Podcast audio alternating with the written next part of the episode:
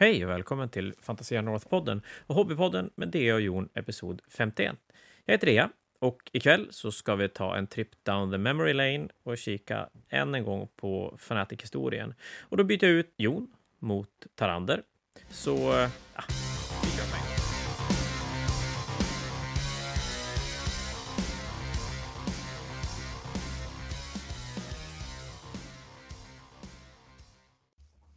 Så Daniel, vad säger vi? Det här är femte delen med Fanatic historia. Visst var det så? Jajamän.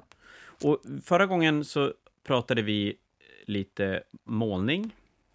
På slutet, jag blev Ja, vi skitpepp. hann, ja, precis. Vi hann komma in lite grann på målningen och så hann vi dra lite historier där. Så vi ska väl fortsätta med lite mer historier. Ja, lite mer målning. Nu. var det tänkt. Lite mer målning.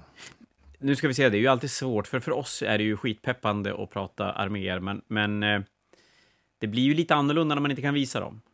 Så det jag trodde skulle bli jättemycket målning kanske inte blir så mycket målning för att många saker är inte så relevanta att snacka om för de som inte har varit med. Men skitsamma, vi, eh, vad har vi sagt tidigare? Vi gör det för våra skull, inte för andras skull. Kanske, eller Ja, någonting sånt. Det, det blir jättebra. Ja, men vad, vad, vi hade tagit lite grann om, om för, för vi har nu snackat lite före och kommit fram till att vi, vi körde Best, eller, Best Painted redan från första Fanatiken. Och sen bytte ni ju namn till Best in Show någon gång. Hade du koll på när det var? eh, alltså det första vi gjorde tror jag var att vi kallade det för, vi gick från Best Painted till Best Army. Om jag Ja. hittade statistiken rätt, sen tror jag vi tyckte att Best in Show var ett bättre namn än Best Army. Och det där är ju egentligen... Någonstans tänker ju vi då att vi, vi skulle så styra folk till att tänka på rätt sätt, men det har vi ju insett ganska länge, eh, för ganska länge sedan att det är helt jävla omöjligt. Folk gör som man själv vill. Ja, Men, men ändå på något sätt kanske förtydliga för de som inte är där och röstar att eller, eller som ser armén och tycker att ja, men vad den där är ju mycket snyggare än den där, men att förtydliga att, att priset handlar ganska mycket mer än att bara vara snyggast målad. ja, Det är ju, alltså egentligen är det ju lite av en popularitetstävling också, det går inte att komma ifrån. Jag menar, vet, är någon en, en erkänt duktig målare så, så det är klart, nu får de antingen lite extra mycket röster för att folk tittar extra noga på deras med, armé, eller att man röstar rent medvetet på andra för att man är less på att andra vinner och sådär. Så att det, det är mycket bakom. Är det. ja, det är ju lite grann av, alltså man röstar väl på det man, den armé som tilltalar en mest helt enkelt. Och det kan ju tilltala av olika anledningar och av olika gånger. Ja, ja, absolut. Allt från Ja, som snyggt målad, snyggt konverterad, eh, schysst person som har målaren. Det, ja, ja, det finns mycket där. Men vi kan väl ta den där, vi, jag hann nämna lite grann i förra avsnittet om, om eh, förändringen från, kanske den tydliga förändringen från Best Painted till någonting Best in Show eller Best Army. Och, och det var ju när vi, på, på den tiden när vi tog ut arméerna på lördag kväll och ställde ut dem på borden själv, upptäckte på söndag morgon att en armé var inte målad av den personen som spelade med den. Och det var inte den personens fel, för att vi hade väl aldrig gjort en grej av att man skulle säga till, för vi bara utgick från att man, man målade arméerna själv. Och så upptäckte vi då på söndag morgon att den här armén är ju inte målad av honom och behöver byta armé ganska kvickt och tar den armén som... Det är ju det är dumt att säga att det är den som står närmast, för det är väl en sanning med modifikation, men det är en armé som står nära som ändå är cool. Och då är det då Tommys orkarmé som är, är rejält konverterad, som jag idag då förmodligen skulle ha tagit ut kanske först av alla arméer. Men det var ett... Jag, och jag tror att både du och jag tänkte på ett annat sätt eh, då. Och så visar det sig att den armén vinner då. Ja, ja vi, vi, alltså, vi tänkte väl kanske att den är jävligt cool, men den är inte tillräckligt bra målad för att vara utplockad. Det var, tror jag, lite grann det. För den, den, var, den är ganska, det var ganska tjockt, tjockt med färg på den om jag minns rätt. Jo, men det var ju verkligen så att den, den var ju en, en typisk målare, eller en typisk hobbyist som älskar att bygga och konvertera och är fantastiskt duktig på det. Men då, oftare än nu, var det ganska, kunde det vara ganska stor skillnad på att vara duktig på att konvertera och få en, en välmålad armé. Det, numera är det, det är sällan man ser välkonverterade arméer som inte är ändå helt okej målade. Men, men, eh, men, men fortfarande så, så var den ju stört jävla cool och den hade just de här detaljerna som gjorde att folk tittade extra och, och fick den här riktiga wow, wow-faktorn. Så den vann jättemycket. Jag, ja. jag tror att jag ganska ofta brukar slänga ur de här störst marginal någonsin, men jag gissar att det är förmodligen inte så alla gånger jag säger det. Men jag kommer ihåg att det där var någonting speciellt när, när Tommy vann med, med sin orkarmé. Ja, jag, jag, tror dock Eh, just på grund av att den inte var liksom supervälmålad. att den, den det var inte en brakvinst, men det var inte det var, det var en, en klar marginal. Eh, men det var också en hel del utspridda på, på de andra arméerna. Eh, jag vet inte om vi ska ta vad vi har haft i så här rent hästväg. Så undrar jag undrar om inte när Björn Sjöström ställde ut sin Tauarmé första gången. Eh, det var verkligen en sån här då, då det var typ över 90 procent tror jag. Ja, det, den gången är ju definitivt en sån gång där det, där det, och det var nog första gången det verkligen, verkligen stack iväg ordentligt. Och då var det en, en Tau-armé som var före Hammerheaden hade kommit som modell. Men fanns regler för. Och Tau hade byggt, nej, Tau, Björn hade byggt en Tau-armé med, med meckas, surprisingly enough. Och så han hade byggt en jättestor Hammerhead-mecka. Helt scratchbyggd. Typ en Storm Surge, fast 15 år tidigare, före den kom. Mm. Och så var den välmålad, för det är hans grejer. Eh, väldigt, eh, ska vi säga, crowd pleasing målad. Alltså det är effekter på rätt ställe, det är färger som är genomtänkta när mm. valen görs. Det är source lighting från vapen och sånt här. Ja. Och ja, all, alla stora platta ytor hade mön, var mönstermålat. Om man ska beskriva det skulle jag väl kalla det typ så här Stargate-mönster. Ja, men, ja, men varför inte? Den, den är inte så dum. Eh, jag har faktiskt bilder från, jag vet inte om det här var första gången han vann, det här var från eh, 19 tävlingen. Vi kan ju säga det att Björn har vunnit våren 2011. jättemånga gånger. Jag tror att vi fortfarande är inne på att Björn har vunnit flest gånger. Jo, det har han. Han har vunnit, jag tror att han har vunnit fler gånger själv än de två näst mesta vinnarna tillsammans. Mm. Tror jag men vi, vi har inte bråkat, men vi har diskuterat det här lite fram och tillbaka och vi är inte riktigt klara på, på vart siffran är någonstans. Men han har vunnit många gånger. Han har vunnit med dvärgar, han har vunnit med Beast of Chaos, han har vunnit med tyrannider, med Tau och multipla gånger med de här arméerna. Så pass många gånger med Tau att han inte ville ställa ut efter ett tag. Nej, precis. Så att hade han haft eh, orken och energin att göra, göra nya arméer oftare så hade han haft betydligt fler vinster. Mest för, Ja, och framförallt på den tiden, alltså om vi, de här första 30 turneringarna vi pratar om, för att då var inte man lika bortskämd med kvalitet på internet som man är nu. Så att för många var ju en sån här tillfälle då man fick se en hel armé på, på det sättet och så pass bra målat, coolt konverterad som, som väldigt många arméer ändå är. För ja, det är mycket coolt. Han, har, är det. han hade byggt också egna crisis suits tror jag från Tau Commandern och typ Shield Drone som axlar och ja. väldigt, väldigt häftiga. Jag undrar om jag ska skicka över de här bilderna till dig så du kan länka till dem. Ja, men eh, vi lägger ut lite bilder på sociala medier. Till, till när... det här avsnittet. Ja, men exakt. Så, så kolla sociala medier så, så kommer det finnas inte, lite bilder. Har man inte sett, sett bilder på den här armén så bör man titta på dem om man tycker om Best Painted. Ja, och jag tror att vi kan kunna få tag i lite fler armébilder som vi kommer att kunna använda också. För att även om vi, vi håller oss kvar vid Björn, så för, en av de första arméerna som vann och en av de första arméerna han... Ja, det är klart, det, det var en av hans första arméer han vann med också. Dum Andreas. Eh, men det var hans dvärgar. Där han har byggt ja. en zeppelinare. Också helt scratchbyggd jag vet att han hade någon display tray på den tiden också. Det var, och det här var ju på tiden när display tray inte var supervanligt. Sen har ju det gått lite upp och ner i hur vanligt det har varit. Vi har ju även då inte tillåtit det vid tillfällen. Men fokus där har ju varit mycket konvertering. Vi har haft en del fruktansvärt bra målade arméer också, men de är oftast lite lättare att de glöms bort när de inte riktigt har det här som sticker ut. Har du några fler arméer som du kommer ihåg under den tiden, under de här 30 första gångerna? Eh, Ja, en armé som jag tyckte, var, tyckte om jättemycket, det var jag, David Utters eldararmé. Som egentligen tror jag inte var så himla avancerat målad, men det var, det var som svart med ganska kraftiga highlights och sen har han målat typ stjärnmönster. Jag vet inte hur vi ska beskriva det, men jag skulle beskriva det som typ så här 8 bits eh, blinkande stjärnor så att han hade ganska mycket wave serpents och lite sånt där så att när, när armén stod uppställd så var det som en stjärnkarta typ. Eh, Fick, Ja, fick man ut. Den var otroligt, otroligt effektiv. Den tror jag också var en ganska stort första gången den ställde ut. Det Men det kan, det kan vara fel, jag, jag har inte riktigt koll. Nej, det är ganska många arméer och ganska många turneringar som, som har passerat. Och av någon anledning är det ju vissa arméer som har klistrat fast på näthinnan mycket mer än andra. Och det är ju absolut inte så att vi har samma arméer som har fastnat, utan det där varierar ganska hårt. Och för mig blir det ändå ganska många arméer som har varit med mycket senare som dyker upp. Men, men en sak som vi kanske måste nämna ändå, det är väl när Oskar Brännström vann första gången med sin konverterade, eller ork, var en lotad orkarmé. Nej, en lotad Space Marine-armé var det.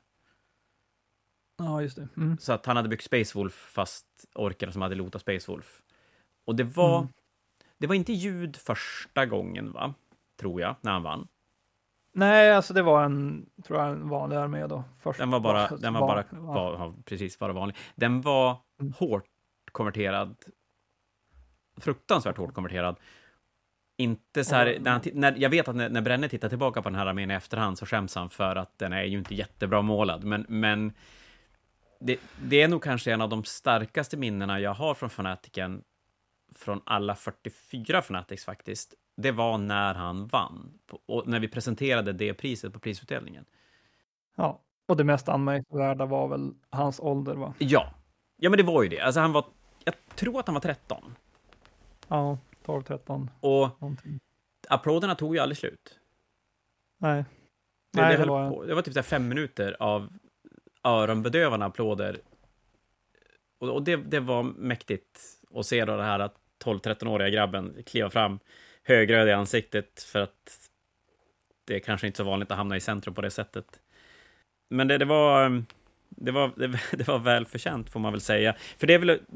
Om Björn var den första gången någon vann med en så här gigantisk marginal, så var väl det här då egentligen andra gången som... Och det är väl... Det, det kan säkert vara fler, men jag tror att det här är de två- två tillfällena då, då det stack iväg riktigt, riktigt ordentligt. Ja, ingen... Alltså, jag kan ha fel. Mm, ganska rejält.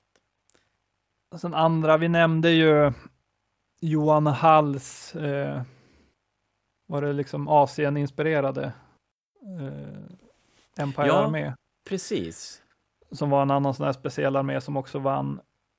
Eh, på 40K-sidan hade vi Per Nordlund hade en Star Wars-armé Ja, som jag tror vann Jo, det gjorde en den. gång.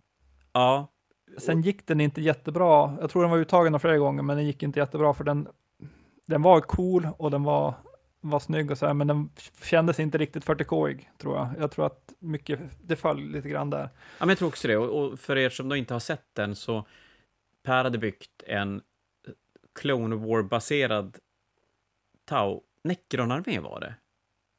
Var det Eller? Necrons? Vad Nej, jag tror det var Tau. Det kanske var Tau. Tau. Nej, Men ja precis. Det var Tau, ja, precis. Ja. Och det var... Det var en sån här armé där det var helt omöjligt att se vad saker och ting var. Jag vet att han hade byggt, undrar om det var stealth suits kanske, som såna här drones i Star Wars som, som rullar fram och så vecklar de ut sig och har puffrar på sidan. Och Droidicas heter de det. säkerligen. Och Jag är, jag är ingen Star Wars-fantast. Nej, osäker. jag heller ska jag väl säga. Det, det, och insidan då, själva cockpiten, eller vad fan man ska kalla det, det var byggt av det här gula från Kinderägg. Och ja, just det. det såg man ju inte förrän han berättade att det var det. Och då kunde man inte se någonting annat. Men som du säger, jag tror att det där var en armé som när man såg den första gången så var det så enormt jävla coolt. Det var någonting annat. Men för alla som gillar 40K så var det ju inte 40K. Mm. Och, och när man väl hade sett det en gång och kanske röstat på den av rent bara wow, så börjar man tänka efter lite grann och så sen bara så här, "Ah, det kanske inte riktigt passar. Nej, det var intrycket jag fick när jag pratade med folk lite grann kring, kring det där, vad jag minns. Eh, vad hade vi mer? Eh, Daniel Bergström hade ju en, som du nämnde, innan vi började med spela in, eh, en eh, var det Undead eh, Vampire Counts armé som var, Ja, vad ska vi kalla det, natt, natt, en nattarmé. Så att den ja var men exakt. source-lightad eh, från facklor och eldar och sen var den övrigt typ drybrushat i grått. En av de här arméerna, eller ja, armé eller person, det beror på vem som ska få cred för det, men där man tar full nyttja av display trace. Armén i sig var som sagt i stort sett bara grådrörbrushad. Och vissa, för det här var gamla fantasy, så, då så vissa unit fillers var med, med facklor och source lighting. Men framför allt så ställdes den mot en bergsvägg som display tray. Där det var facklor och source light, så att den, den som smälte samman med displaytrayen på ett enormt effektivt sätt. Och jag, jag vet att den här armén, den tog upp debatten om det här med tre färger och målat, för att den här var väl, ja, det är klart, det var massa grånyanser, så det, det är väl tre färger då, men, men eh, det var egentligen gul, orange och grått. Det var de färger som fanns i armén.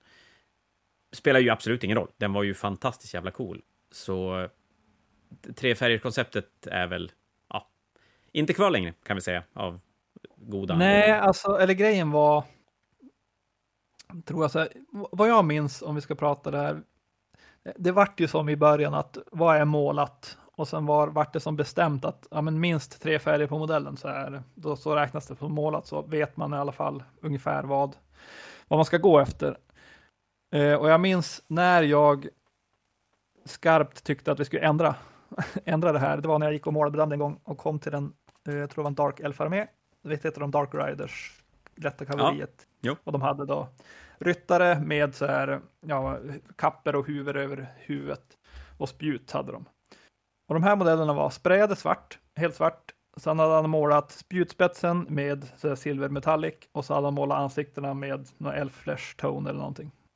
Så att, ja, det var ju tre färger på modellen. Mm. Men de var inte målade. Nej. Den... Så att funkar ju inte. Vi, vi, jag tror vi ändrade då och började kalla för att det ska vara rätt färg på rätt plats i alla fall, så att man har målat alla ytor på, på en gubbe.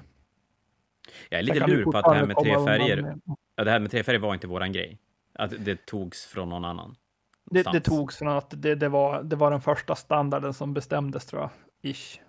Tror jag på fantasy-sidan att det var så, så tog, vi tog det från det. Eh, men sen kom man då till en modell som är sprayad svart och bara drybrushad i grått. Är den målad eller inte? Jag tror att det slutar med, för mig har det landat i att behöver du fråga om din armé är målad, då är den inte målad. Enkelt. Ja. Men, eh, nej men, och, och, det har ju aldrig varit som en grej i Best in Show. Jag tror aldrig det har varit en grej för oss egentligen heller.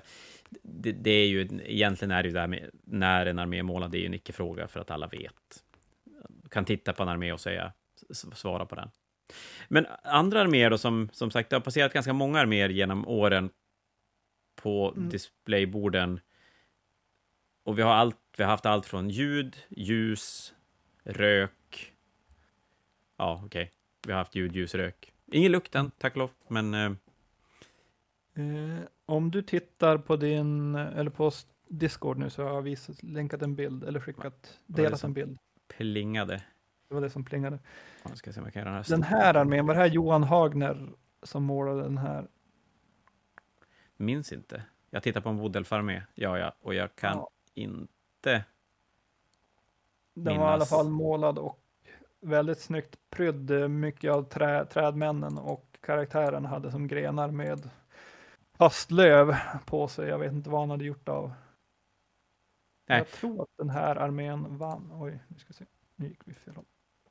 Det ska ju sägas att kvaliteten på väldigt mycket som var bra då är ju, skulle ju inte hålla ens lite grann idag. Mm. Var det, det den här det... armén som eh, hamnade upp och ner under en skiva? Eller var det en annan armé? Eh, nej, det var en eh, Lissalmen-armé. Det var, även, det var samma persons armé däremot. Den har vi inte berättat. Vi måste kanske berätta den historien. Det är en, ja, gör det. Det är en bra historia. Jag tror att den har berättats i poddform tidigare, men det var... På, på den här tiden så ställde vi ut tre spånskivor som tillsammans bildade ett två spelbord. Så att man delade på en spånskiva och så hade man en spånskiva var. Och under de här spånskivorna står det två stycken klassiska konferensbord, loppisbord typ. Så två bord bär upp tre skivor. Och när vi packar ihop på söndag så får vi oftast väldigt bra hjälp av många som är med. Och det är ju superduper duper tacksamt när folk hjälper till att packa terräng och bära undan bord och skivor och grejer. Och det här var en gång när det hade kommit igång ganska bra och folk plockade bort terrängen från de bord som inte var använda och det började plockas skivor. Man kunde ju ta en skiva då utan att det gjorde någonting för att de andra hade ju sin en och en halv skiva de spelade på. Och så sen vet jag att jag tror att både du och jag är i lokalen bredvid när man hör det värsta jävla braket.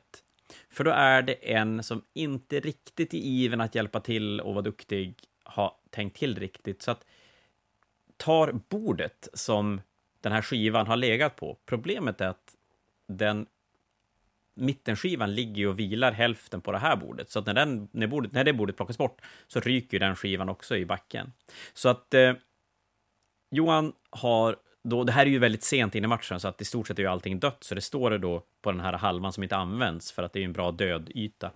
Så där står det typ en eh, 2000 poängs lista den har med i majoriteten metall. Den andra killen, som jag inte kommer ihåg vem det var, det var inte nu med Bo, han har precis lyft upp sin Dark Elf-armé som han hade i en låda. Och då faller skivan ner, slår ner i backen och sen vänder sig upp och ner på, på figurerna.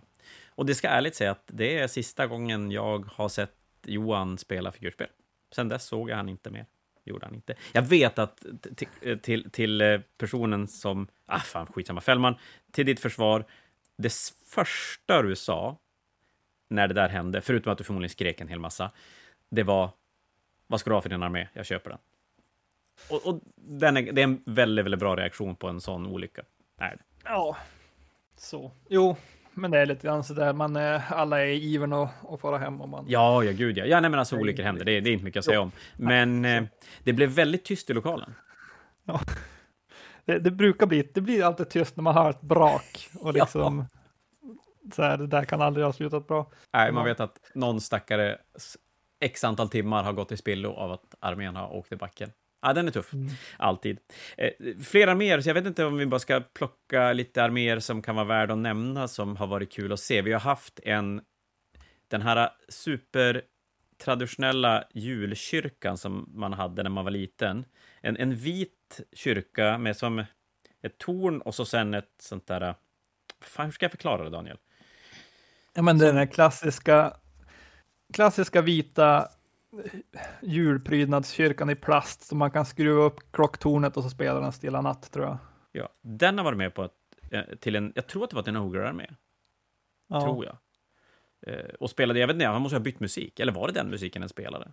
Nej, men han har väl lagt in typ en liten MP3-spelare eller högtalare tror jag i som spelade. Ja, jag tror inte att det var, jag tror inte den spelade Stilla natt i alla fall.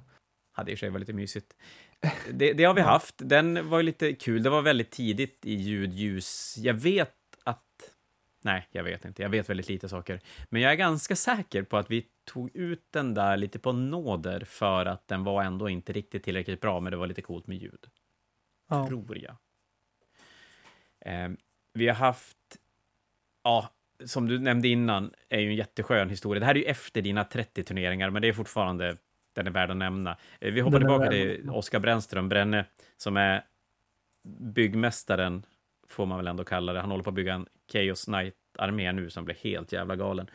Men han hade byggt en Knight, var det, som mm. rörde sig. Den, den vred sig i midjan. Så det såg ut som att den svepte med sin Gatling och, och sköt. Mm, kunde den inte röra lite grann på armarna också tror jag? Jo, men det kanske den gjorde också. Nej, men den roterade ju Gatlingen, gjorde den.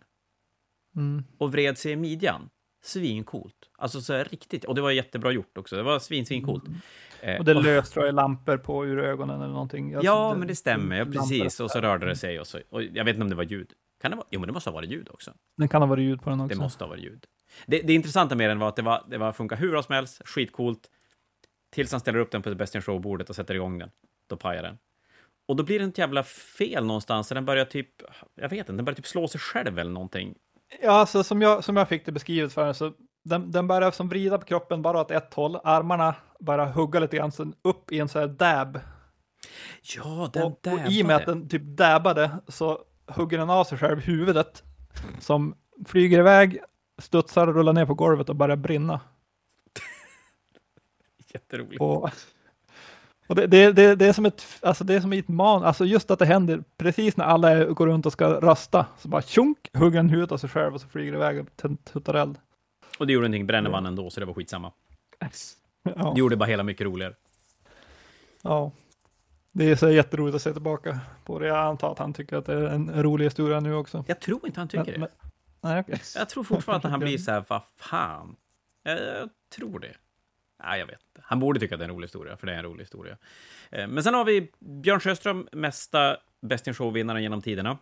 Det nämnde vi kanske, men, men som sagt, han är, han är den som har vunnit flest gånger. Mm. Det är den enda, det är den enda statistik vi har.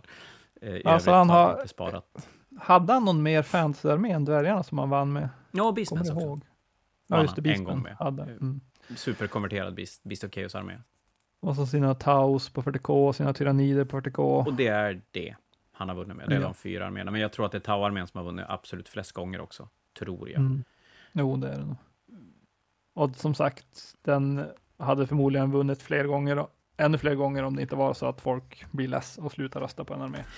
Ja, vi hade ju en, en, gånger. jag vet att vi hade en debatt, och det här var väl också innan du hade slutat, med med det här hur många gånger ska en armé vara uttagen? Många som Ja, är med och precis. spelar alla Fanatics tyckte ju att vadå, man borde bara få vara, med en gång, sen måste man göra någonting nytt. Och jag förstår ju den, den tanken, men jag tror att vi alltid tänkte lite längre och tänkte på att det kan alltid vara nya spelare som är med. Och- Precis. Och skulle nästan bli irriterad då på oss för att vi inte tar ut den armén som är uppenbart snyggast, för de har ju inte varit med när den vann förra gången. Och man kan ju som sagt styra det här med hur man röstar också. Man behöver, Ja. Vet man att armé har vunnit så behöver man inte rösta på den. Det är ju Så. väldigt, väldigt enkelt. Och det, det ser vi ganska ofta, att om en armé har varit med flera gånger så för det mesta går röstantalet neråt mot den armén och sen beror det ju självklart på vad som står emot den också. Och lite grann hur många nya spelare vi har i turneringen totalt. För ju mer nya vi har då, ja, då blir ju även den armén som har varit med förut blir ju som ny. Vi hade ju också en, en armé, typ en andra världskriget-armé som hade en väldigt välgjord display, display som också spelade typ ljud av maskingevärseld och lite annat tror jag. Ja, just det. Det Som var urplockad en gång. Jag tror inte den vann någon gång och där var också lite grann att den inte var tillräckligt 40k-ig tror jag var problemet där. Nej, men precis. Och så var den ju inte så himla konverterad heller, utan det var ju egentligen bara andra världskrigsfigurer som, som representerade Astra Militarum-figurer. ja. Och det tycker ju vissa är lite så här, ja, det är inte tillräckligt. Och som du säger, jag, det är rätt viktigt för många. För mig är det otroligt viktigt att armén har en, en Warhammer-känsla, må vara för, för Old World eller Age of Sigmar eller 40K, men att man vill ha den känslan i armén och därför har ju då jag inte alltid håller med med med vinnande bidrag och då är det ju till exempel Pers Tau-armé som var Star Wars-inspirerad som jättesnygg men, men föll mig inte alls i smaken. Eh, Johan Halls asiatiska Empire-armé tycker jag också föll lite grann på det, det greppet. Och så sen den där Mm. jag, jag tror att Kenneth, för det här var Kenneth som, hade, som ställde upp med den armén. Han hade även Eh, en ja. armé med lite så andra sci-fi-figurer som också var snygg, väldigt cleant målad, men, men också inte heller var så himla mycket 40K över det. Har vi Ja, precis. Bananas Display Trace då? Att komma ihåg. Jag inte... Nej, inte vad jag kan komma på på rak arm. Vi kan ju säga det att vi hade ju perioder när vi inte tillät display tray just för att vi tyckte väl att det kanske gav en, en fördelaktig... Eller ja, det blev fokus på något annat än själva armén och att det var lite svårt för de som åkte utifrån att ta med sig display trays till målartävlingen. Och det, det argumentet är ju väldigt legit och håller ju, men vi har valt att skita i det och tillåtit display tray, för det är jävligt coolt. Ja. Fast varje gång jag Så, pratar ja. Ja, jag varje gång jag pratar om det här så inser jag ju egentligen att jag tycker ju inte att Display Trace skulle vara med. Just av den Mm. anledningen. Att det blir, det blir ganska orättvist. Mm. Men det är också det här, ska, ska det vara tillåtet att ha sin armé på en, en, eh, en plan yta som man har klädd med svartduk? Till och med det har ju folk Ja. sagt att alltså, det är ju nästan lite orättvist. Att de som står på en sån här ganska tråkig grön Goblin Green skiva som det var länge. Ja, nu Jämfört står med de en på en som, tråkig jävla som, spånskiva, eller träbord istället med oftast lite klutter Så. på. Så, men just det att om du då har en, en, liksom en ram av svart färg som liksom gör att all, all färg som du ser poppar ju som ut på ett annat sätt när du har en svart bakgrund. Oh ja. Det är faktiskt en Eh, grej som finns på min att göra-lista som brukar göras efter varje Fanatic. Vissa saker görs, vissa saker tas bort, vissa saker flyttas vidare till nästa år. Men det är ju att ha svarta dukar under alla, eller över alla bord som är Ja, med alla till, Best Show. bord. Ja, Mm. så att det blir Ja, så rättvist som möjligt. Och så kan man även då säga det i förväg att det är så här det kommer att se ut. Så vill ni optimera er armé mot förhållandena så, så är det en svart duk som kommer att vara underlaget till, till alla arméer. Någon gång, någon gång ska jag ta tag i den, denna grej, för den är, den är relevant där den. Jag vet inte om jag har så himla... Jag i alla fall vet inte om jag har så himla mycket mer kring Best in Show. Vi har haft så här äh, snygga arméer, ja, men som sagt, det är ju väldigt svårt att få det att synas i radio. Vi har haft en del Age of Sigmar-omgångar, det här är ju efter dig då, men Mm. en del Age of Sigmar-målartävlingar som har varit så jävla galna. Det var för något år sedan vi hade åtta stycken Age of Sigmar-arméer som single-handedly hade vunnit om de hade varit själv. Förmodligen alla fantasy-målartävlingar fram till dess. Nu var alla Ja. samtidigt på åtta bord. Alltså det var så jävla galen kvalitet på, på de arméerna. Eh, Och jag tror knappt vi kommer att få se det igen. Alltså det var helt sjukt. Eh, och, och det kan man ju säga att vi är rätt bortskämda här i Umeå. Och vill man se snygga arméer så är det nog värt att ta sig till Fanatiken för att vi har... Ja, men det blir, vi, vi skryter och säger att vi har väldigt, väldigt bra kvalitet på det som i, i större delen av turneringsvärlden är känt som Best Painted, som i Umeå är känt som Best in Show. En enorm kvalla är det.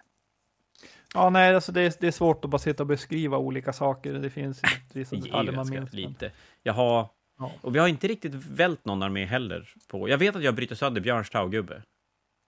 Det, det är det enda jag vet att jag... Jag, jag skulle flytta den från bordet in i en låda för att sen bära den till Best in Show-bordet.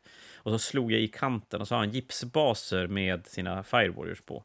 Och det var väldigt tunga baser och väldigt lite gubbe. Så då bröt jag av den. Och upptäckte även att han var helt omålad underifrån. Men det är ju snyggt. Det var ju snyggt ändå, Mm. var det. Ja, men det var väl kanske det om Best in Show. Ja, jag tror Men vi var det. inte riktigt färdig med turneringen i stort heller. Eh, ja, som sagt, eh, vi var på hösten 2009. Eh, så att eh, vi ska väl gå över till våren 2010.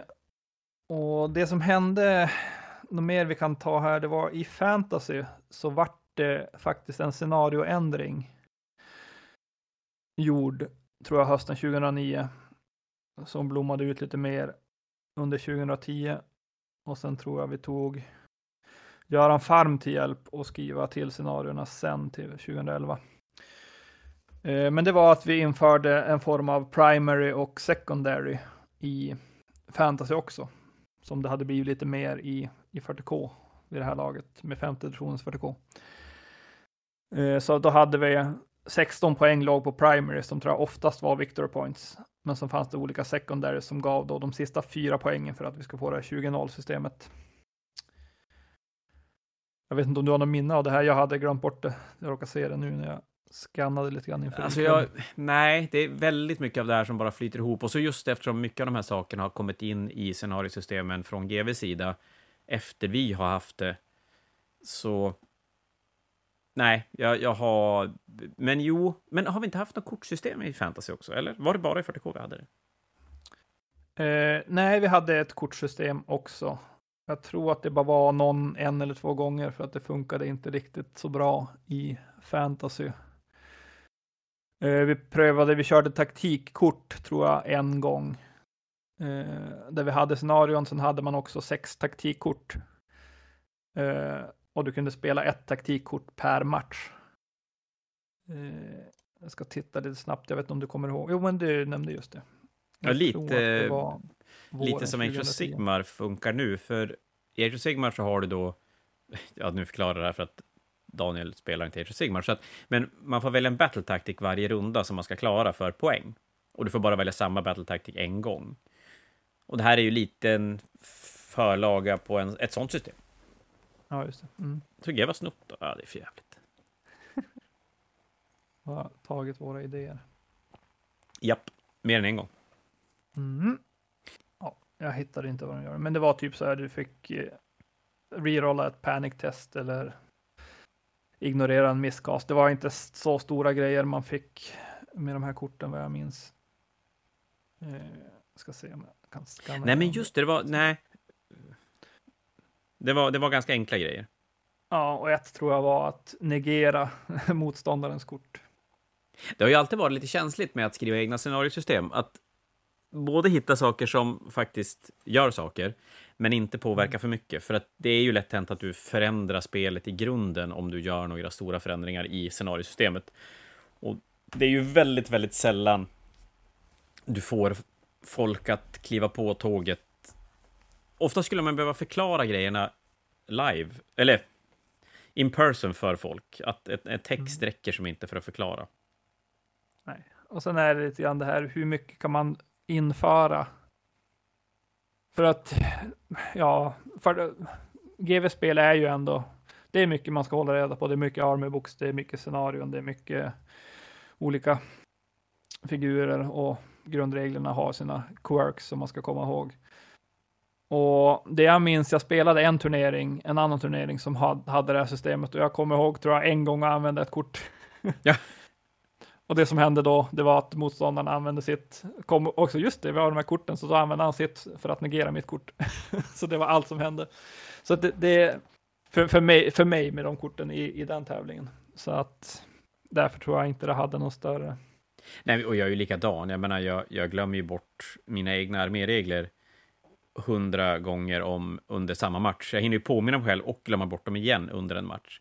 Så allting som läggs på som ett lager på det som jag inte har i mitt naturliga spelande, det är ju hundra procent att jag kommer glömma bort det.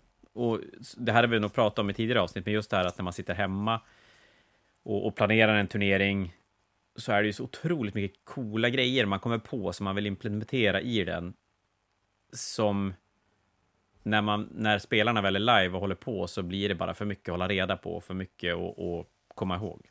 Så det är som inte är Mm. värt det. Nu ska vi se, här är det. Det var våren 2008, så pass tidigt var det vi prövade det där. Så, Hade vi pratat någonting om fair play misslyckat- förresten?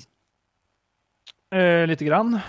Ja, jag bara tänkte, jag kom på det. Jag bara kom på det. Men, men eh, jag tänkte om våra poängsystem och hur vi hade valt att lägga upp poängen och grejer.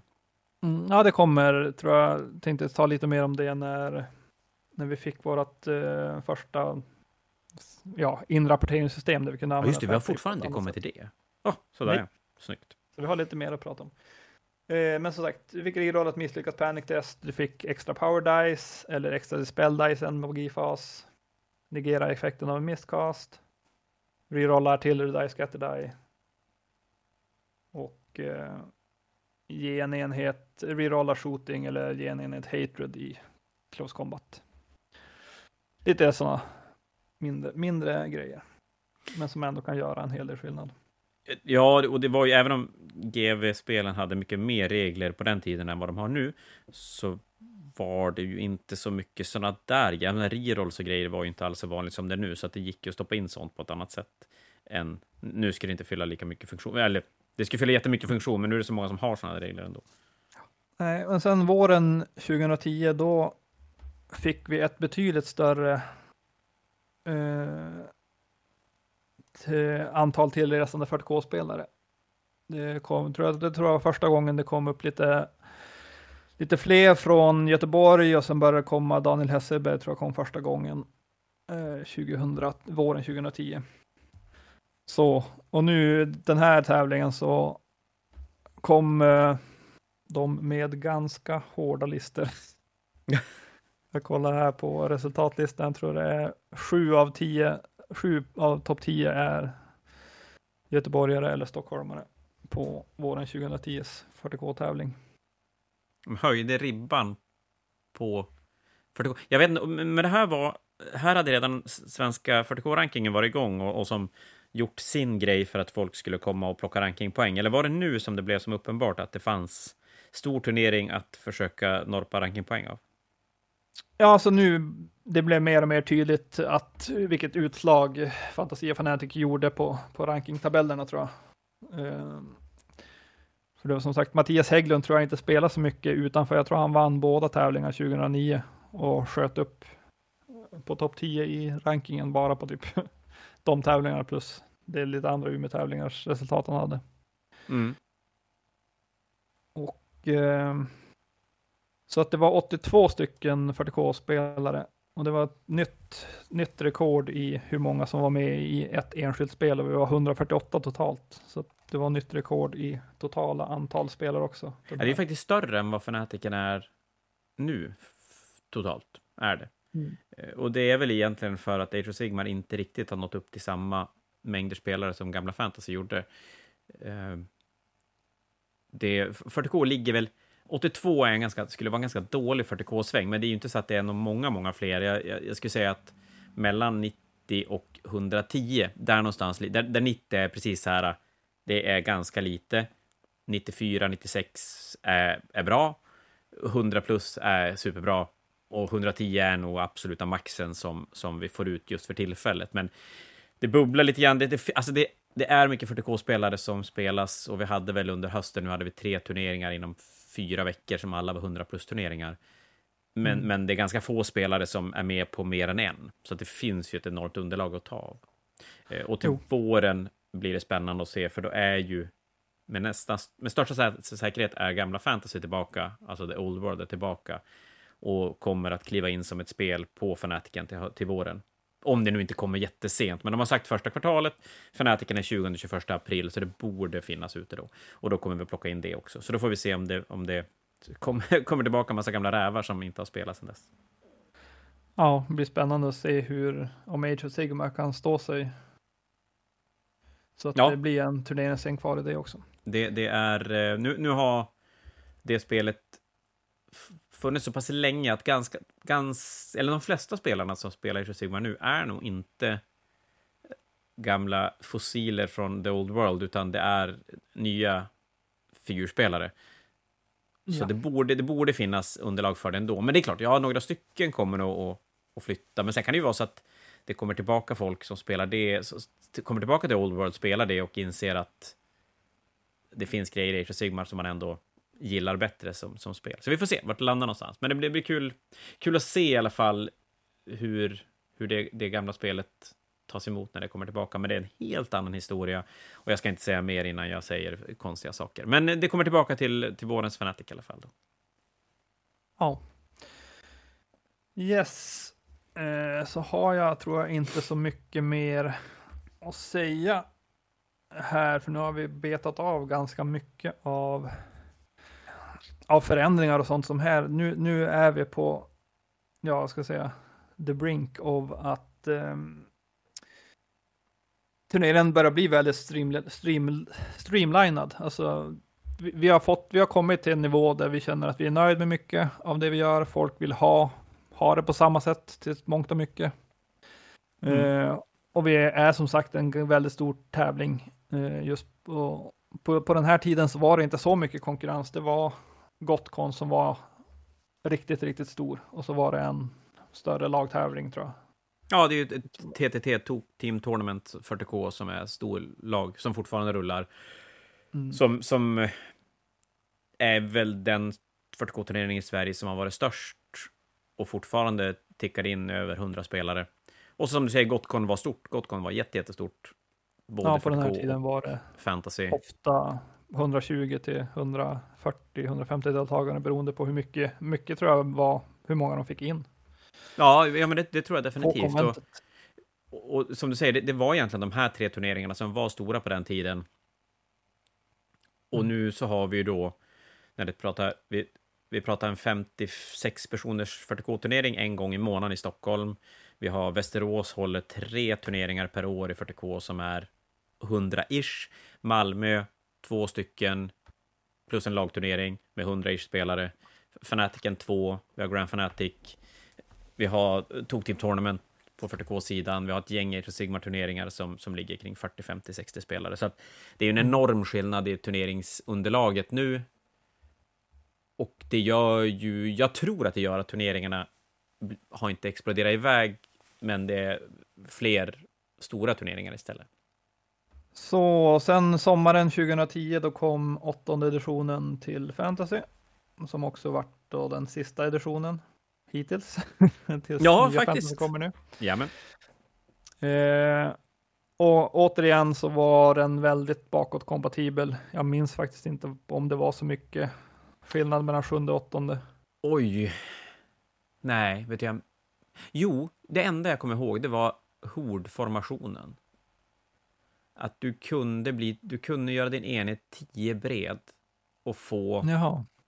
undrar om du fick slå en rank till, typ, tror jag. Men det var en regel som nästan inte någon använde, så att den gjorde ju som ett genomslag och jag tycker väl, nu är det här en väldigt personlig åsikt, men jag tycker ju att sättet GV valde att skjuta reglerna framåt i gamla fantasy var, gjorde inget de fyllde på med gjorde spelet en tjänst. Det var som att de inte riktigt visste hur de skulle förändra spelet på ett bra sätt och Mm. det blev bara konstigt. Det blir spännande att se också om de gör en ny take på fantasy lite grann. Att det ska vara block, men de kanske har hittat, kommit på något Ja, smart sätt att göra det- lite enklare och lite tydligare. För det var ju Ja. mycket det här, ett block touchar med kant och så ska det rotera upp och finns det inte plats om det ska rotera upp, då får det andra blocket rotera emot istället och så ska de Och så var det en terrängbit i vägen, mycket. Ja. så ingen kunde rotera. Man bara, hopp, nu då? Och, och det är ju, som du säger, det är jättespännande, för att på den tiden var det ju ändå, visst fanns det en kompetitiv scen och på, nackdelen med det då, det var ju att det fanns ingen sån där osagd gentlemannaregel bland kompetitiva spelare, så det varierade ju väldigt mycket på hur folk såg på hur man skulle spela kompetitivt. En del var ju så att man skulle spela, det skulle bara vara massa gacho, eh, vilket gamla fantasy var som en, det var som en grej. Medan om man tittar nu så den kompetitiva scenen är ju väldigt likadan. Det spelar som ingen roll om du tar en tävlingsspelare från Göteborg, Umeå, England. Alltså alla ser lite, man, man pratar väldigt mycket om hur man ska spela. Det är väldigt öppen kommunikation med, med motspelarna. Det ska bli otroligt spännande att se hur GW ska förändra det här och locka alla gamla som vill ha det de spelade tidigt 2000, men ändå försöka sätta in det i 2023, 2024 och få ett spel som flyter och inte är massa bara regelförklaringar för situationer som nästan aldrig kommer uppstå, men ändå måste förklaras. Mm. Jo, för det, är- det är lite grann det här med moment är ju ganska, blir ju ganska intressant. eh, Just det här med blockformationerna. Om det bara är gjort lite smidigare. Det ska vara lite smidigare än vad det var. Ja. Ja, men som du säger, ja, det är ju de här situationerna som du säger när, när enheter tuschar varandra, när man får ställa en där, jag, jag kommer ju aldrig glömma mot slutet när man insåg att man kunde ställa en örn eller ett liten, en liten singelmodell i hörnet på en enhet som sen gjorde att det stora blocket inte kunde röra sig för att man kom inom en tum. Och, alltså, Ja, ja, mycket Du sådana typ saker. Bara chargea den där Ja. lilla saken. Nej, du kunde inte ens charge den för du såg den inte. Den stod precis utanför Ja. 90 grader. Ja, så du kunde just törna, eller jo, du kunde törna, backa, svänga lite grann, gå framåt och så kom det typ en halv tum framåt. Och så flyttade sig Ja, den här lilla grejen och ställde sig i hörnet igen. Så att du var ju tvungen att kunna döda den på något sätt för att röra det framåt. Det, eh, och sådana saker hoppas jag ju att de inte tar med sig och tycker att det är som en, en bra grej av gamla fantasy. Man jag, jag vet ju vad jag själv tycker är bra i det gamla och det är ju någonstans den här armékänslan, den, den delen. Och det är det man hoppas att de, att de fångar och att det är det folk vill ha. Ja. Jag tror folk var jävligt kåta på block. De som vill ha tillbaka gamla fantasy i alla fall. Eh, Ja, i alla fall, det ska bli jättespännande. Men som du säger, att när åttonde kom så spelet hade blivit mycket mer strömlinjeformat, båda spelen. Och det var mycket mer så här, det här är scenarion som man ska spela. Inte riktigt som det är nu, men ändå ganska mycket så. Men var det då vi fick nytt dataprogram? Eller? Jag är så sugen på det där Eh, dataprogrammet. Ja, nej, det kom. eh, Det är ett år bort. Det kom eh, hösten 2011. För det som hände då att eh, hösten 2010, den turneringen har jag inte någonting nytt att berätta egentligen. Det var 66 spelare i både 40K och fantasy. Så att, eh, 100 Det droppade ganska rejält på 40K-sidan. Ja, det föll ner. Det krockade väl kanske med någonting eller var så där. Det, det gick i vågor. Ja, och det är ju ändå nackdelen att ha turneringen två gånger per år. Eh, fantasy var 66 både på våren och på hösten, så det var exakt samma antal. Men förmodligen lite andra spelare. Så sen, men efter hösten 2010 och som vi gjorde ibland, ibland lät vi det gå någon vecka eller två efter vi hade hållit en turnering. Sen gick, tog du och jag, vi bjöd med oss ja, två, tre spelare. Eh, och gick ut och käkade och, och spånade lite idéer. Vad, vad är bra, vad är dåligt? Ska vi skala någonting? Kan vi hitta på något nytt? Och hösten 2010 var en sån grej när vi gick och spånade och skapade lite nya idéer. Inga stora grejer egentligen. Den största grejen tror jag var att det var då vi bestämde att vi skulle försöka hitta någon som kan programmera ett turneringsprogram åt oss som man kan rapportera in direkt i turneringsprogrammet så vi inte behöver göra det för hand och det blir så stressigt efter sista matchen framför allt. Jag tror att det var hösten 2010 då det vart. Jag skrev fel i sista omgången. Jag skrev en 20-0 som 0-20, alltså resultatet tvärtom så att han som kom trea, han kom, han fick, vi fick ordna priset i efterhand. För han som kom trea, han hoppade, han föll ner för han fick 0-20 istället för 20-0 Ja, sista just matchen. det. Ja, det, och det, det är ju den, just den stressen inför prisutdelningen och att försöka få allting. Och det är så fruktansvärt lätt att vända två siffror. Mm. Så på ja, början att försöka hitta, hitta den som kan göra det här till ett rimligt pris började här. Vi fick, kom också på idén att eh, vi köpte, det tycker jag ändå var en bra idé. Eh, vi köpte knallorangea Fantasia Fanatic Crew-tröjor som du och jag hade på oss. Så att vi vart typ neonorangea så att vi vart klart synliga. Det var lätt att hitta, hitta igen den andra om man behövde den. Det är en svinbra idé som jag alltid glömmer bort till nästa Fanatic. Så att det, jag kommer aldrig ihåg det. Men den är jätte, jättebra, för det är fortfarande en grej att, att snabbt kunna, kunna hitta en Teo som man kan ställa en regelfråga.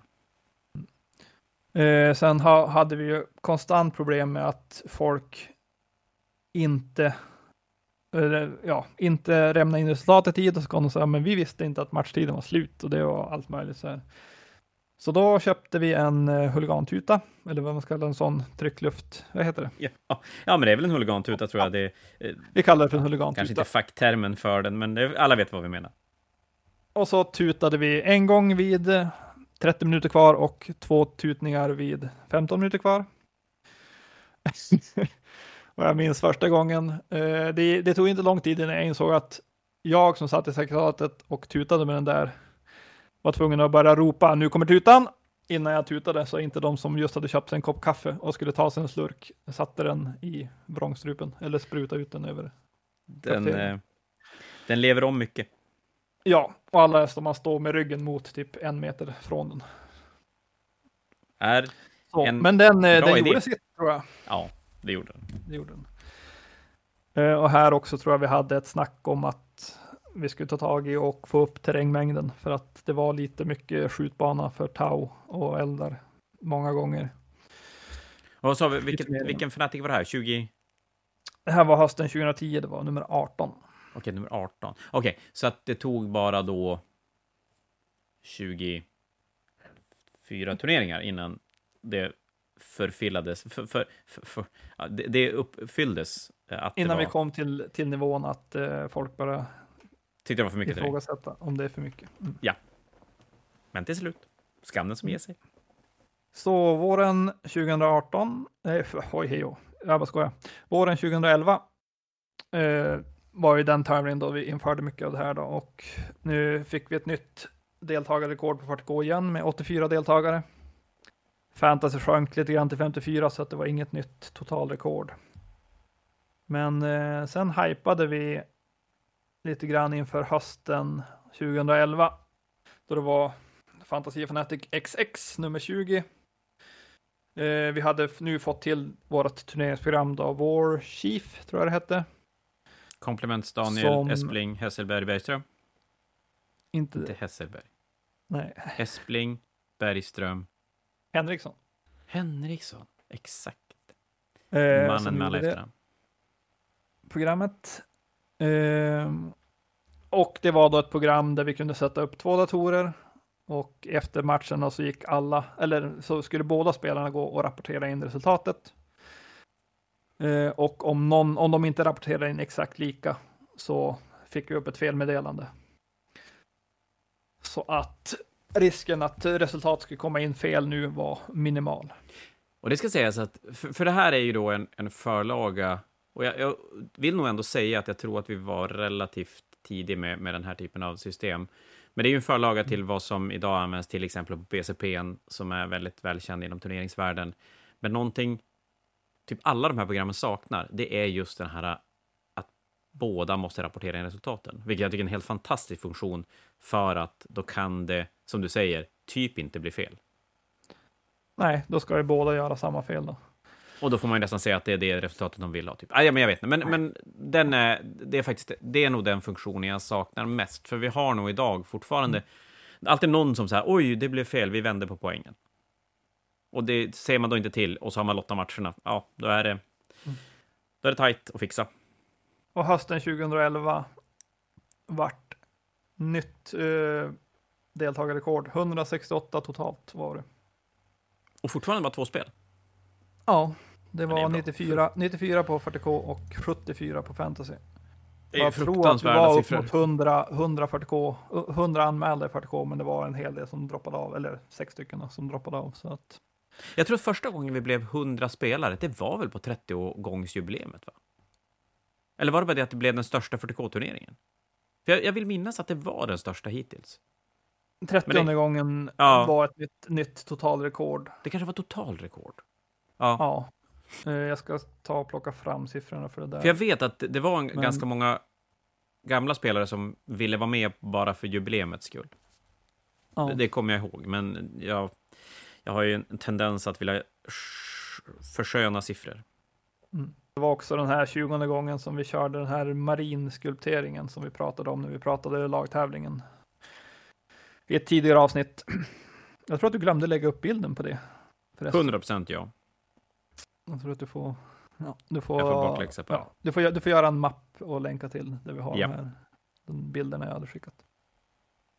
Eh, nej men så det var kul och här hade vi också då valt eh, eller bett eh, Daniel att göra ett en eh, Fairplay-funktion där vi kan välja om man ska få se, alltså man får Antingen kan vi bara visa att man väljer en, en siffra eller så kan man välja en siffra och så står det en motivation bredvid i Fairplay-väg då. Typ att, ja men, en helt okej okay match eller sådär. Eh, och man, vi kunde också välja att man bara såg själva motiveringen och inte hur mycket poäng den var värd. Vilket vi inte prövade tror jag här, utan det var ett år senare som vi första gången prövade köra utan siffror. Helvete vad folk inte gillade det. Ja, folk var väldigt tveksamma. Jag tror att det gav ett, ett bra resultat faktiskt. Ehm, det vi ska Man säga, det vi gjorde där också, det var ju inte... Eh, be, eh, gud. Oj, vad, vad, heter det? Vi sa anledningarna, alltså... Jag tappade helt ordet. Vi hade siffror och så sen till siffrorna hade vi ett, en förklaring vad siffrorna gjorde. Ja. Och som du sa, vi tog ja, men... bort siffran och bara hade förklaringen, men vi satte inte förklaringen i den ordningen 1 till 5, utan det var som lite blandat. Så man Precis. verkligen skulle läsa, man skulle läsa. Och det var väl kanske det en del inte gjorde, utan man bara tog den längst ner på listan, för det skulle vara en femma. Ja, kanske. Uh, jag minns Men som sagt, vi, vi, vi, det, det, fanns en funktion att, att programmet sorterade, i num, sorterade dem i ja, poängordning eller att den bara höll dem i ordningen vi la in dem så att du kunde välja själv. Uh, så. Nej, men från början så tror vi vi prövade med att vi hade lagt in tror jag, två olika motiveringar på varje poängnivå från 1 till 5 så att det fanns tio olika. Det var ett, ett grepp vi prövade för att få folk kanske att ja, men nyansera sitt val lite mer. Så att det var bara en kort beskrivning. Ja, men det var en okej okay motståndare. Det var en, det var en trevlig match. Vi hade kul. Det var typ så, den typen av beskrivningar vi gjorde. Eh, så att femmorna skulle vara, åh, matchen var helt fantastisk, jag hade så roligt, eh, lite grann. Eh, för att få folk, mest för att få folk, de här folk som bara ger strömlinje femmorna, att inte göra det.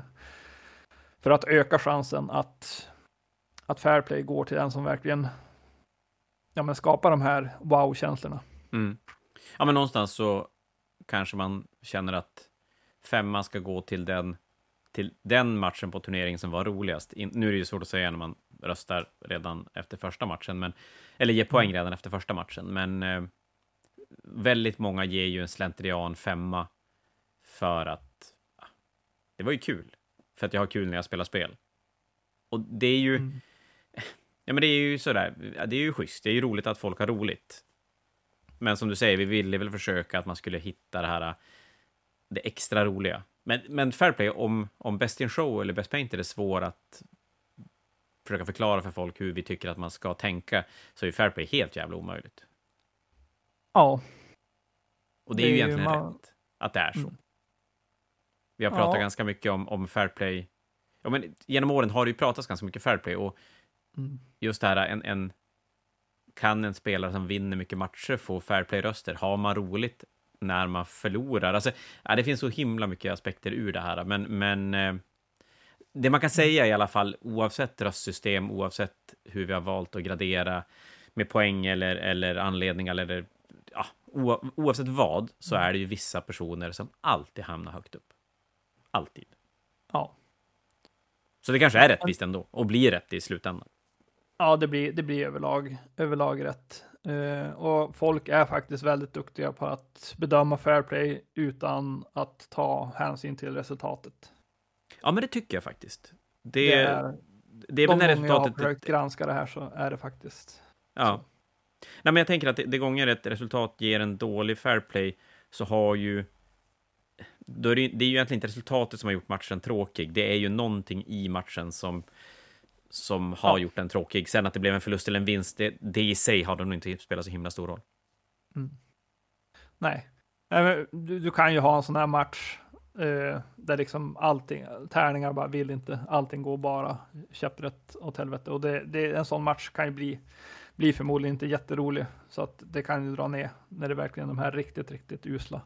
Ja gången, men eh, ja. Sen har vi som... personen som, och det, jag tror att vi har nämnt personen tidigare, som när, vi, när man skrev sin röst, man röstade på en person och skrev en, en lapp, som hela tiden lämnade in en lapp där det stod jag röstar inte, ingen förtjänar min röst. Det, är fortfarande ja. en av de bästa grejerna i hela fanatiken. Jävla roligt. Jävla roligt. Ja. Ska säga att han fick nog inte så många röster själv heller, tror jag. Nej. Eller vet jag. Ja. Hur lägger vi till i tid? Ska vi ta lite ja, till. Vi är uppe i en timme. Målningen tog ju sådär som jag tänkte innan, bara äh, det är inte så mycket att prata om, men det, det var, ju, det var ju roligt att prata om. Så jag vet ja. inte, är det, är det ett bra tillfälle att runda av eller ska vi fortsätta? Uh, Nej, no, men vi, vi kan avverka lite mer tror jag. Vi tar ett år till. Vi tar, till. vi tar 2012 också. Vi kör en stund till. Det är inte så mycket. Uh, deltagarantalet gick ner lite grann till 21, tävling 21 här då. Det var 20 färre än än gången innan. Går det att se en, en, eh, ett mönster höst-vår? Eller är det helt slumpat? Alltså 2010 och 2011. Så, nej, nej förresten, jag ångrar mig. Det går inte att se. Nej, det gör inte det. Nej. Nej. Jag har varit inne på det tidigare, att det skulle vara så här mer på våren, höst. Alltså, men jag inser nog ja. att varje gång jag tar upp det här utan att göra en, en, en faktisk koll, så slutar det alltid med att jag byter och ändra mig mm. till vilken av perioderna som borde vara bäst. Ja, men jag, jag, tror att det är mer att ibland krockar det med höstlovet.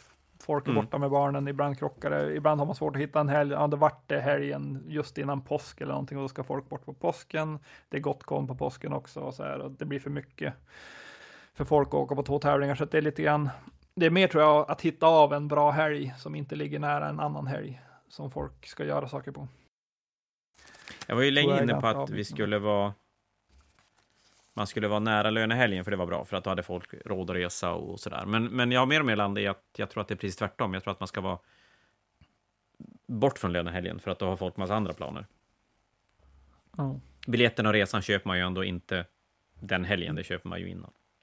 Vi prövade här också för att det här programmet vi hade fått gjort nu det funkar också eh, så att det gick att självrapportera via smartphones.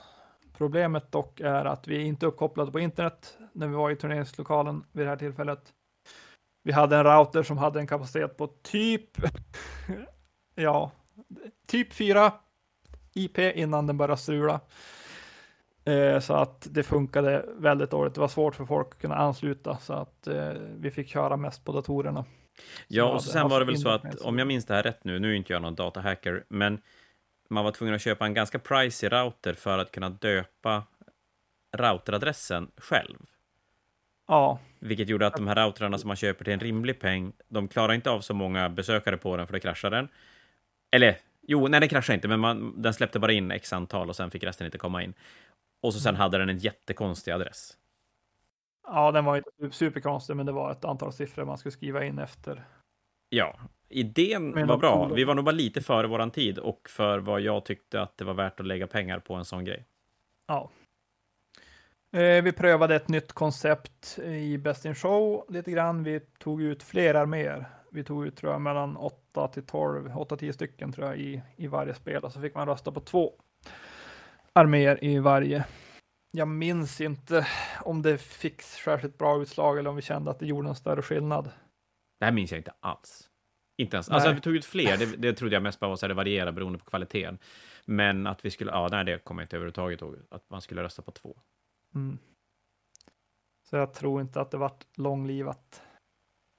Ah, det känns inte som det. Eh, Sommaren 2012 kom sjätte editionens 40K. Återigen, minns du om den var den bakåtkompatibel eller? Ja. Visst var den det? Var det sjunde de nollställde? eh, det var åttonde. Eller åttonde till och med? Det Ja, just det. andra- Ja, det. Vi hade aldrig det problemet. Nej, 40K är ju noll, har ju nollställt väldigt få gånger. Egentligen är det ju bara... Ja, det har ju Fantasy också gjort. Åttonde, nej, andra, förlåt, tredje, Tredje. åttonde, tionde. Är ju. Och i Fantasy var det väl då femte, ja, femte, bara. Igen 40K deltagandet är ganska högt. Igen 84 40K, 54 fantasy. Så 138 totalt hösten 2012. Det är där vi ligger. Vi ligger och svajar mellan 120 och 150 nu Ja. egentligen. Från, från att turneringen eh, ja, egentligen fick, fick sitt stora genombrott där 2009. Eh, och hösten 2012 var som sagt första gången vi prövade fair play utan siffror. och det, det var faktiskt roligt. Det var många, mycket kommentarer om det där liksom. Bara, alltså, många ifrågasatte det. Och så här, hur ska man veta? Hur ska man veta vad är EFF-poäng? Ja, men måste, du veta, vad du Måste du veta? Var Ja. liksom våra kommentar då. Men jag tror att för många är det så viktigt att veta. Jag, jag, man fick ju känslan i alla fall att för väldigt många var det väldigt viktigt att veta att jag, jag ger dig en trea. Jag ger dig inte en, det här var en rolig match. För det är så jävla... Och, och det är ju konstigt, för det vore ju rimligare att ha det så, egentligen. Men fördelen med det här är att just fair play är ju en sak man kan svänga ganska hårt med för att ingen kommer att låta bli att komma och spela för att man tycker att det är fel. Scenarion, regler kan ju definitivt avskräcka folk från att komma och spela, men, men fair play kan vi ju göra vad vi vill. Och självklart lyssna, för det vill man ju göra, men, men, men det, det, det är en grej man vågar testa. Använde vi det fler gånger, eller var det bara en gång? Eh, vi körde lite, tror jag, olika. Eh, det gjorde vi. Vi... Ja, jag, jag minns inte om vi körde pröva flera gånger i rad här. Jag tror vi körde en par gånger i rad och sen körde vi utan och så körde vi igen utan siffror en gång igen. Så. Men eh, ja, det, som sagt, man, man får förmodligen fram en, en tillräckligt rättvis vinnare lite grann oavsett hur man gör. Ja, eftersom vinnaren, jag, jag tänker just vinnaren, det spelar inte så himla stor roll, för vinnaren har ändå så höga poäng, så att, att, no, att vinnaren har fått bara femmer till exempel, det är ju egentligen inte orimligt. Det räcker ju egentligen bara att varje motståndare har gett en spelare en femma och det är samma spelare. Det är ju om man skulle titta på hela turneringen och försöka få någon typ av hur, hur snälla spelare har vi, vad tycker folk? Där ska jag kunna tänka mig att siffersystemet är mindre precis än ett åsiktsbaserat system. Tror jag. Mm. Men ja, Nej jag ska inte säga säkert. Mm. Nej, jag- jag minns ju en historia eh, kring just det här med siffror. Och det var ju, det kom, kom ett par, de hade spelat färdigt, de skulle gå, vi hade det här inrapporteringssystemet, det fanns siffror. Eh, och de pratade lite grann och sen en, en av pratade ganska öppet, bara, ja, så var det här med fair play, ja, ja. Som sagt, jag, jag tycker ju att din armé var jävligt tråkig, men vi hade ju kul och så här, så det var inte det så. så. så men och så sa han liksom, ja men du får en etta ändå för att din armé var så jävla tråkig. Uh, och då läste jag sen på, på Svenska 40K-forumet så var, kom det en diskussion vid en annan tävling eh, kring en annan tävling om man ska ha fair play med i resultatet eller inte. Och då lyfte den här spelaren som fick en etta i den här situationen, han berättade om den här matchen specifikt då att ja, men jag mötte en orkspelare, han fick flytta väldigt frikostigt med sina trucks, 24 tum, han flyttade typ upp till 30 ibland, jag, jag brydde mig som inte om det. Och så här, och han var otroligt schysst när han spelade. Men han vann ändå ganska stort då. Och så fick han en etta för att motståndaren tyckte han hade en tråkig copy-paster med. Som argument för att fair play borde inte vara med i turneringsresultatet. Ja, du vet vilken match du pratar om också. Mm, coolt. Mm. Nej, men och det är ju... Jag tänker ju egentligen att alla så här, jag har sett många turneringar där man har till exempel målar, må, må, gett målarpoäng till sin motståndare för att man som turneringsarrangör ska slippa. Mm. Det är så jag ser det i alla fall. Och så har man lagt in med det i resultaten och, och kanske fair play i resultaten. Och visst är det snack om att vi har en hobby, man, man alla delar spelar roll, men mm. det är ju fortfarande så att kunna påverka motståndarens resultat och, och så här komma, jag, jag, kan komma före dig om jag ger dig dålig fair play, mm. riskerar ju att skapa en ganska konstig situation. Och det, där tycker jag att vi har hittat väldigt rätt i Fanatic Champion-priset nu, där det är som ett eget pris och så har vi vinna turneringen som ett eget pris. Plus att ska man göra så att fairplayen ska in i turneringsresultatet, då kanske jag skulle hellre se det som vi gör nu, att man röstar på en spelare Därför att den här personen som fick en etta då, skulle mm. ju aldrig, oavsett om, om man kanske hade fått en trea i, i poäng om man skulle vara rimlig, skulle ju aldrig någonsin ha fått den spelarens enda röst. Nej. Den hade ju definitivt alltid gått till någon annan. Mm. Och då blir det inte riktigt lika missvisande och, och, lika, ska vi säga, det gör inte lika mycket om du möter den här den där personen, den här som aldrig ger en fair play-röst. Alltså det, det påverkar inte lika mycket då. Ja, men du, jag tror att eh, jag känner mig vi, ganska nöjd för det här avsnittet. Vi, vi, vi, vi hann ju en och en halv turnering fram. Nej, men nu är vi ju nära något typ av slut. Ja, men nu tog vi, tog ju tre år på den här, det här avsnittet. Det är typ, och, och då, typ två år. Ja, precis. Då får vi väl komma, komma eh, tillbaka till om det blir så att det blir ett till avsnitt med, med turneringar, eller om vi känner att vi börjar närma oss så pass nära slutet att vi kommer att ta ett sånt här vända med, där vi pratar med andra. Vi, och det ska jag säga, jag tror att jag sa det förra gången, jag säger det igen. Vi kommer att lägga ut lite frågor, väldigt enkla frågor. Vad var det vi sa att vi skulle fråga? Vi skulle fråga vem du är, hur många fanatics Första fanatiken, första fanatiken. Just det. Eh, hur många fanatics och ett minne. speciellt minne. Ja, något, ja. något och, bra minne. Ni kan väl börja fundera lite grann på det, ni som har spelat Fanatics och lyssnat på oss att eh, som sagt, första fanatiken, hur många fanatics? Ungefär, alltså, ungefär. Det är bara för att veta lite grann om man klev in och spelade första fanatiken för ett år sedan, eller om man spelade första gången, om man har spelat 40 fanatics eller en fanatic. Det, det är lite intressant. Och så sen ett minne som sticker ut. Bra, dåligt. Mm. Skriv ner det, skicka det till Fantasia på något sätt. Maila, Facebook, Instagram, i butik gå till Bebbe och berätta så han måste skriva ner det, kommer han att tycka det är svindrygt. Skitroligt. Eh, ni kan skriva till mig personligt, ni kan skriva till Rande personligt om ni vill också. Det går bra vilket som. Och ja, som sagt, vi kommer att lägga ut det här så att, och efterfråga informationen mer specifikt. Men det ska bli jättekul för att vi kommer att lägga in det som en, en, en del i nästa eller nästnästa avsnitt beroende på hur vi känner att vi landar. Men du Daniel, då gör vi helt enkelt så att vi säger tack för ikväll. Till dig. Jajamän. Och till alla er som har lyssnat, vi kommer tillbaka med mer Fanatic-historia om en stund. Hej då på er! Ha det bra!